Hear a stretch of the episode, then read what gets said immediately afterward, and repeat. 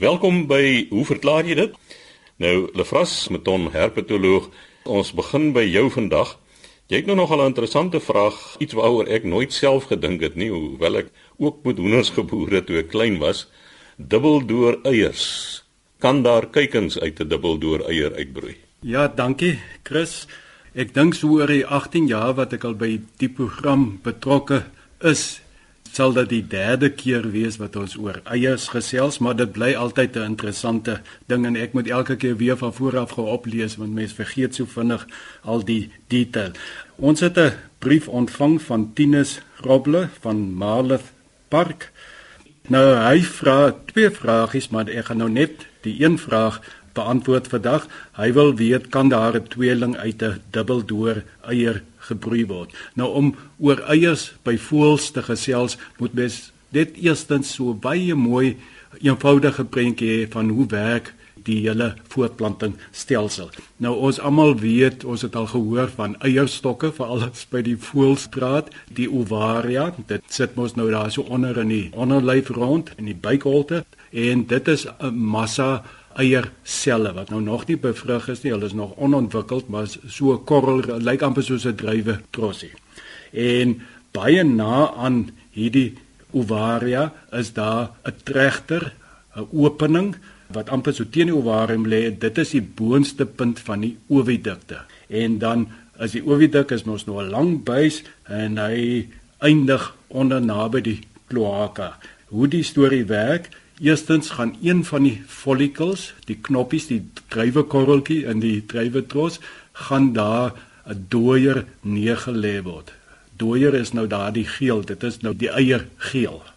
Dit is kos vir die ontwikkelende embrio.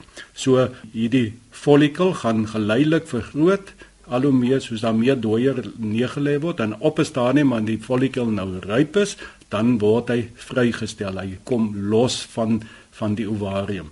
En dan beweeg hy dadelik in deur daardie opening die tregte beweeg hy in die boonste punt van die oviduk in. En dit bevat nou die klomp dooier en binne iewers sit dan nie in die middel nie maar daar sit dan 'n deel van dit is die eiersel hierdie eierselletjie is nou nog nie bevrug nie. So die sperm van die haan of die mannetjie voel Eh, sal dan nou daar in die boorlope van die ovidukte kontak maak en bevrugting sal plaasvind. Nou het ons 'n sigoot. En hierdie sigoot beweeg dan nou af in die oviduk van die voël en soos hy af beweeg, eerstens word dan nou die albumine, die wit van die eier, word rondom die geel neergesit, rondom die dooier. En dan nog 'n entjie heel onder toe af in die oviduk, dan word daar dopmembrane gevorm, 'n membraan rondom die albumine en dan laastens word die dop neergesit om die massa en dan is die eie gereed om gelê te word. So dit is baie belangrik dat bevrugting natuurlik plaasvind heel bo lank voor die dop gevorm word. Nou, hoe vorm 'n dubbeldoe eier? Wat is 'n dubbeldoe eier? As jy hom oopbreek, is daar twee eie gele daar kan meer ook wees. Die rekord dink ek is iets soos 9. So daar's twee eie gele en ek dink die mense gaan somme intuïtief dink, ja, wat het hier gebeur? Twee follicles moes uit die ovarium gelyktydig vrygestel word. Twee het ontwikkel in plaas van een en die twee follicles wat nou met dooie gevul is, het gelyktydig inbeweeg in die oviduk en albei word of een of albei word bevrug en soos hulle nou af in die oviduk beweeg. Die oviduk wand kan nie sien of agterkom dat daar twee is nie. So hy sit nou sommer albemin reg rondom hierdie twee. Hulle moet natuurlik nou redelik naby mekaar of kontak maak met mekaar en dan vorm hy dan ook sommer 'n dop reg rondom hierdie massa. Uit die aard van die saak is so 'n dubbeldoor eier dan gewoonlik baie groter as 'n normale eier. Nou die vraag is sou daar dan nou twee kuikentjies uit so 'n eier kan ontwikkel? En dit is wel moontlik, dit gebeur baie, maar persentasie gewys is dit eintlik baie laag dat dit suksesvol is dat die kleintjies wel uitbroei. Die kleintjies ontwikkel, maar dan ontwikkel hulle later probleme in die meeste gevalle. Maar daar is baie gevalle wat nou al aangeteken is. Ek is ons nou 'n duiweboer. Ek onthou so 'n paar jaar gelede was daar in die duiwe tydskrif iemand wat gerapporteer het van so 'n tweeling duiwe en ek dink hoe kleiner voel is hoe makliker gebeur dit. In elk geval maar wat binne die eie gebeur. Ons vat nou eers net een embrio. Hy ontwikkel en dan ontstaan daar so 'n ligholte aan die stompkant van die eier op 'n latere stadium. Daardie lugsak is baie belangrik want net voor die kleintjie uitbroei steek hy sy snavel daardeur en dan begin hy sy longe te gebruik om asem te haal en dit is baie belangrik. Nou wanneer daar nou twee embriootjies is binne 'n enkele dop, is daar is nou altyd net hierdie een lugruimte en albei moet dan nou hulle snavels daarin kry en gewoonlik is dit 'n probleem.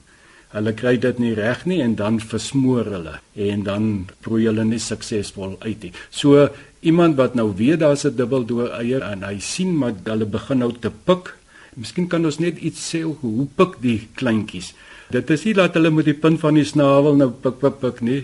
Bo op die snavel is daar so uitgroeiseltjie, so 'n knoppie.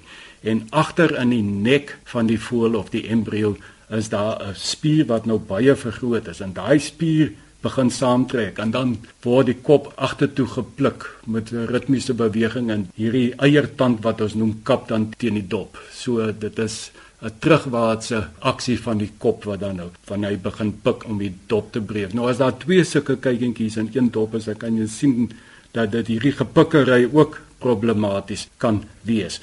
Daar is ook al by volstruise gekry dubbeldoor eiers wat die kleintjies ontwikkel, maar dan hierso so net voor hulle nou moet uitbroei, dan vrek die kleintjies. Miskien is daar iemand wat kan laat weet of daar al suksesvolle uitbroeiing plaasgevind het. Maar by volstruis eiers is daar nou nog 'n ekstra probleem omdat die eiers baie groter is. En aanvanklik gaswisseling vind deur diffusie plaas en natuurlik hoe groter 'n eier is, hoe langer is die afstand waaroor diffusie moet plaasvind en dit is natuurlik baie moeiliker. So die sukses van uitbroeiing by groter voëls gaan moeiliker wees as by kleiner voëls. So daar kan tweelinge kom, dit is al baie aangeteken, maar die kans is skraal. Nou kry mens ook identiese tweelinge by voëls. Kan hulle hierdie wat ons nou net oor gepraat het natuurlik dit is twee aparte eierselle wat deur twee aparte spermselle bevrug is. So dis net 'n normale tweeling. Ons praat van 'n disigotiese tweeling. Maar kan 'n monosigotiese tweeling ontstaan? Met ander woorde waar daar net een ovum was met sy dooier wat dan deur een spermsel bevrug word en dan uiteindelik aan twee kleintjies oorsprong gee. Dit is ook al aangeteken en ek het 'n artikel gelees, dit is oor die emu. Uh, is ook 'n groterige voël en dat 'n tweeling uitgebroei. Hulle het toe genetiese studies op die twee kuikens gedoen en gesien maar hulle is absoluut geneties identies. So dit moet 'n geval wees van werklike identiese tweeling. Nou dit gebeur bietjie anderste. So daardie dooier gevulde ovum word nou vrygestel uit die ovarium en dit beweeg in die oviduk in bevrugting vind plaas met enkele spermsel en dan om een of ander rede split daardie bevrugte sigoot nou in twee dele en elkeen ontwikkel dan nou in 'n embrio en uiteindelik tot 'n kuiken. So dit is dan nou 'n identiese tweeling. Nou soos ek gelees het, kan dit soms gebeur dat daardie splitsing nie mooi in die middel van die sigoot is nie. Met ander woorde, die een deeltjie het bietjie minder dooier of kos as die ander deel en dan kry jy dat jy ja, een groot kuiken en een klein kuikentjie en daar's ook allerlei probleme. Nou, ek kan net dink dat baie mense het nou al seker gesien dat daar 'n tweeling ontwikkeling, maar hulle sal nie weet of dit 'n identiese tweeling is. Ek meen twee kykentjies lyk maar of jy seker hoenderrasse jy kan nie eintlik die verskil sien as hulle volwasse is nie. So hulle sal nie eers weet of dit 'n monosigotiese of 'n disigotiese tweeling is nie. Ja, baie interessante storie. Chris, wil jy iets? Ja, ek sit en wonder nou sommer oor identiese tweelinge. Ek neem aan hulle is dan altyd van dieselfde geslag ook of nie noodwendig nie. Dis 'n interessante vraag. Kyk by die mens, by die meeste diere waar geslagsbepaling geneties is, moet die identiese tweeling van dieselfde geslag wees, want die geslag word bepaal tydens bevrugting, né? Daar waar die spermsel en die eiersel nou bymekaar kom, dan is die geslag bepaal. So as daardie embrio nou in twee dele deel, dan moet albei van dieselfde geslag wees. Maar as mens nou ander diere vat, byvoorbeeld 'n krokodil, waar die geslag eers later bepaal word deur die temperatuur, dan kan jy identiese tweeling seker kry van verskillende geslag. Teoreties behoort dit so moontlik wees. Ek weet nie of dit in die natuur so werk en of dit al aangeteken is nie, maar normaalweg van dieselfde geslag. Daar's net nog 'n paar baie interessante dingetjies wat ook nou al gebeur. Jy sê jy het met hoenders geboer en ek weet jy het ook duwe aangehou. Jy het ook al gehoor van 'n windeier. Ja. Het jy al gedink wat is 'n windeier? Al wat ek weet is dat dit 'n leedop is. Ja, soms gebeur dit veral by jong hennetjies wat nou vir eerste keer lê dat daardie eier sel word nie met dooie gevul nie. Daar vind iets plaas daarso, met ander woorde ovulasie, maar dit is eintlik maar sommer net so 'n stukkie weefsel wat loskom en die stukkie weefsel bevat nou geen dooierie. Hy gaan ook daar in die tregter in bo in die oviduk. Daar vind natuurlik nou nie bevrugting plaas nie. En dan beweeg hy af. Die oviduk sien hier kom iets af. Hy sit dalk 'n bietjie albumin om of hy sit niks om nie, maar gewoonlik waarskynlik 'n bietjie albumin en hy sit 'n dop om. So as jy daai eier dan oopbreek is daar geen geel binne-in nie. So dit is nog 'n interessante verskynsel en dan soms ook loop daar dinge verkeerd en daar word daar nie 'n dop omgesit nie. Dan kry jy die hoender lê so 'n doplose eier. Daar is wel dooier in die middel, daar's albumin of die eierwit buiteom en membrane, maar daar's geen dop om nie. Dit gebeur ook dikwels en dan vir my die snaakste een is hierdie kom ons sê maar dubbeldop eier. Met ander woorde, jy kry eier met nog 'n eier binne-in. Wat daar gebeur is alles verloop nou normaal. Die dooier gevulde ovum word vrygestel. Hy beweeg in die oviduk in, die spermstelletjie bevrug hom indien daar 'n mannetjie by was, beweeg af, die albumin word omgesit, die dop word omgesit en dan om een of ander onverklaarbare rede beweeg die eier weer terug opwaarts in die oviduk en dan kom hy weer vir 'n tweede keer deur die vervoerband, dan word daar weer albumin omgesit en nog 'n dop omgesit. So as jy daai eier oopbreek, dan is daar 'n bietjie eierwit en dan lê daar heel eier binne-in.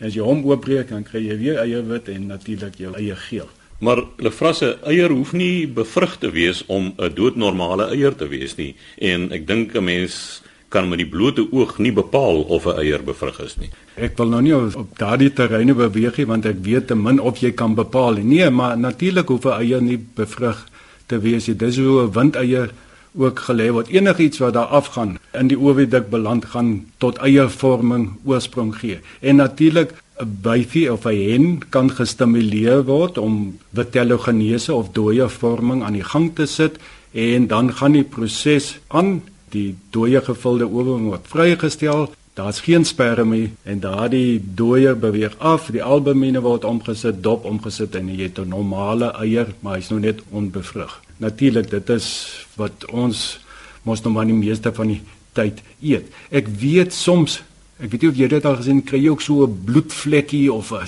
snaakse gytjie binne in die eier en dan dink jy, "O, is hier nou al 'n embrio ontwikkel of wat gaan nou hier aan?" Dit is natuurlik maar net tydens ovulasie, met ander woorde wanneer daardie dooie gevulde follikel oopbars, kan daar soms 'n bloedkorreltjie of iets saam met die ovum in die oviduk beland en die is dan nou ingesluit in die eier. En dit is maar net proteïene, niemand dit is dan nie dat jy nou 'n embriootjie eet nie. Maar lefras as 'n mens nou per ongeluk 'n eier produseerende hen slag, dan sien jy nou al hierdie verskillende stadia van die klein eiergeeltjies wat al groter word en uiteindelik daardie vlies om dit en as jy gelukkig is is die eier wat sy môre sou gelê het al klaar volledig daar gevorm met die dop om ook. Kyk, baie voels lê hulle dalk ene dag soos by duwe is dit lê een en dan Hoe slaan 'n dag oor en dan word die tweede eie gelê. Ja, en die follicles is in daardie verskillende stadiums. Kyk, hoenders lê mos nou hele klomp eiers voor hulle nou begine broei. So daar, jy sal 'n hele reeks van ontwikkelingsstadia in die ovaria kan sien. kyk daar's natuurlik baie ander voëls ook wat klomp eiers lê en daar gaan jy ook hierdie klomp stadia sien. En natuurlik as 'n hen nou oud raak, daardie follikels, daar's net 'n beperkte aantal follikels in die ovaria en dit word opgebruik. So 'n hen kan later nie meer lê nie want daar is niks meer oor nie. In teenstelling met 'n mannetjie kan ad infinitum eindig. Wel, die ouderdom gaan ook om seker eendag inhaal, maar die sperm word nie opgebruik nie. Daar is altyd genoeg sperm. En so gesels Lefras Meton, ons herpetoloog, en Lefras, die vraag wat jy ontvang het, lui so: Is voëls werklik dinosourusse? Chris, ja, kan daar was dit 'n tydjie gelede het ons gesels oor voëls wat dan nou die enigste lewendige dinosourusse sou wees en dit is waarskynlik 'n aanleiding van daardie program wat Jeb Jonas, ek weet nie van waar hy is nie, maar wat hy dan 'n lang, redelike lang brief geskryf het. Ek gaan nie die hele brief lees nie. Hy sê ek het met 'n familiegeleentheid met plaasboere en wetenskaplikes, almal volkennis gesels en ons almal het lekker gelag vir die onlangse program en aanname dat uh voels dan nou uit dinosourusse kom. Hy sê verder dat die evolusieteorie is gebaseer op natuurlike seleksie wat dan nou die verandering teweegbring en Hy sê dan nou hierdie dinosaurus reptielagtige voorvader wat hierdie snaakse asemhalingsstelsel van voëls het en wat skibbe wat nou skielik vere is en 'n knie wat nou agtertoe buig en koue bloed wat nou warm bloed oorgeskakel is. So dier sou geen oorlewingskans in die omgewing gehad het nie want hy sou wanaangepas gewees het in die omgewing en hy sê verder dat verandering is gevaarlik en mutasies is noodwendig sleg en sal uitgeskakel word. So hierdie groepie vriende, hulle was dan nou baie skepties teenoor hierdie hele proses van evolusie en hy sluit sy brief af deur te sê die navorsers moet hulle aandag meer toespits op meer bruikbare wetenskap. Hy sê 'n trekker kan nie van self 'n vliegtuig word nie, maak nie saak hoeveel jare dit neem nie. Daar moet 'n programmeerde wees. So, ek wil net begin deur bietjie te gesels oor die voëls as dinosourusse en ek dink daar's altyd baie of groot misverstand wanneer mense oor evolusie praat en hulle sê nie wat van evolusie hulle oor praat nie. Mense kan eintlik dit in twee dele deel. Ons praat meeste van die tyd oor die resultate van evolusie. Dit self is nie evolusie, dit is die resultate. En dan kry mens die evolusieproses self. Hoe werk evolusie? Nou as ons na die natuur kyk en dit is nou hoofsaaklik gebaseer op die fossiele rekord, dan sien mens dat oor tyd is daar verandering. Die diere, die fossiele is nie dieselfde nie. Aan die begin was daar eenvoudige diere in die oudste geologiese laag en dan in die jongste geologiese laag is meer gevorderde diere en ook 'n groot verskeidenheid van diere. So wat wetenskaplikes dus doen is om dit aan mekaar te sit en die verloop, die verandering wat oor tyd plaasvind in wat hulle sien, die patroon wat hulle sien in die fossiele dan te ontleed. En dit is vaste feite want ons kyk na die skelette of die harde dele wat fossileer. Daar's natuurlik baie van die sagte weefsels so goed wat nou nie fossileer nie, maar die skelette fossileer en jy kan 'n lyn volg hoe dinge verander in die geologiese tydskaal. En as ons nou daarna kyk, dan sien ons dat voëls deel baie eienskappe Lewendige voëls en fossiele voëls deel 'n hele klomp eienskappe met dinosourusse en met geen ander diere nie. En ek dink mense sal dit interessant vind om sommer net so 'n paar van hierdie eienskappe na te kyk. As ons byvoorbeeld kyk na vere, ons weet voëls is die enigste lewendige diere wat vere het en as ons na die fossiele rekord gaan kyk, dan sien ons daar's baie baie fossiele wat vere gehad het. Dinosourusse wat vere het. En dit help nie om te sê o, maar dit is eintlik voëls nie, dit is dinosourusse want hulle het nie vlerke en goed wat vlieg nie en die vere maak afdrukke sodat jy kan baie duidelik sien daar is vere. So baie dinosourusse het vere en hulle deel dit net met voëls. Dan ons almal eet baie keer hoender en ons almal het al 'n wensbeentjie gesien En dit is basies die twee sleutelbene. Ons het ook mos twee sleutelbene. Die sleutelbene is versmelt aan die voorpunt en ons noem dit 'n wensbietjie. Kom maar volgende keer kyk jy sal sien hulle is stewig aan mekaar vas. Ons trek mos om te wens, dan trek ons daai twee beentjies ons breek hulle af. En daardie eienskap wat by voëls voorkom kom by dinosourusse voor. Hulle het alreeds ook hierdie versmelte sleutelbeen in die fossiele rekord wys dit. En nie net 'n enkele groepie, dit is wyd versprei by daardie groep. So dit is die tweede eienskap. Ons weet dat die wensbeentjie speel natuurlik by vlug vandag 'n groot rol by voëls. So dit was 'n pre-adaptasie wat al lank voor die tyd. Dit het nie vir vlug ontstaan nie, maar later het dit 'n groot rol begin speel by vlug. Dan as ons na die bene van voëls kyk, dit is liggevul. Ons praat nou van die post, die agterste skelet. Dit is lugruimtes in die bene. Ons praat van pneumatiese bene. Daardie ruimtes is verbind met die lugsakke wat ons by voëls kry. En as ons nou na hierdie groep dinosourusse gaan kyk, hulle het dieselfde verskynsel en dit kom nie by ander werveldiere voor nie. Dan longventilasie Dit is hierso gemeld die asemhalingsstelsel. Ons weet voels haal mos op 'n snaakse manier asem.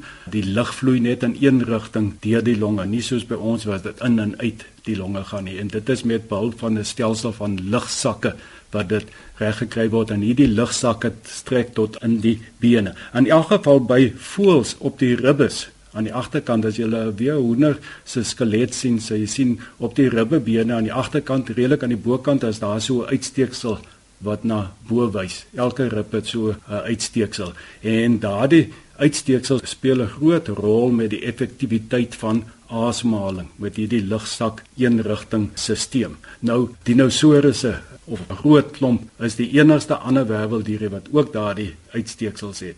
So dit is nou maar net 'n paar kenmerke 'n mens sou dan ook daaruit kon aflei dat dinosourusse dan ook alreeds hierdie eenrigting vloei van lug deur die longe gehad het en dit is hoekom hulle daardie uitsteeksels het. Mens kan na gedragseienskappe kyk by moderne voëls. Hulle broei mos op die eiers en daar is fossiele gekry waar 'n dinosourus bo op die eiers gefossileer is. Daar het seker 'n groot storm gekom en dit is net so begrawe in die modder.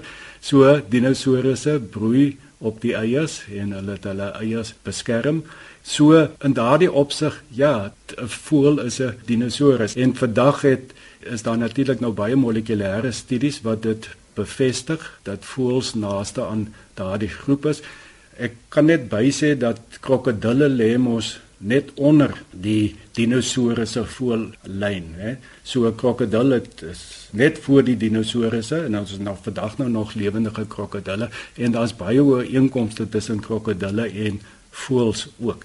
So dit is dit so kortliks voël is 'n reptiel en ek wil nie baie lank daaroor praat oor die kwessie van dat so 'n oorgangsdier nou wan aangepas is.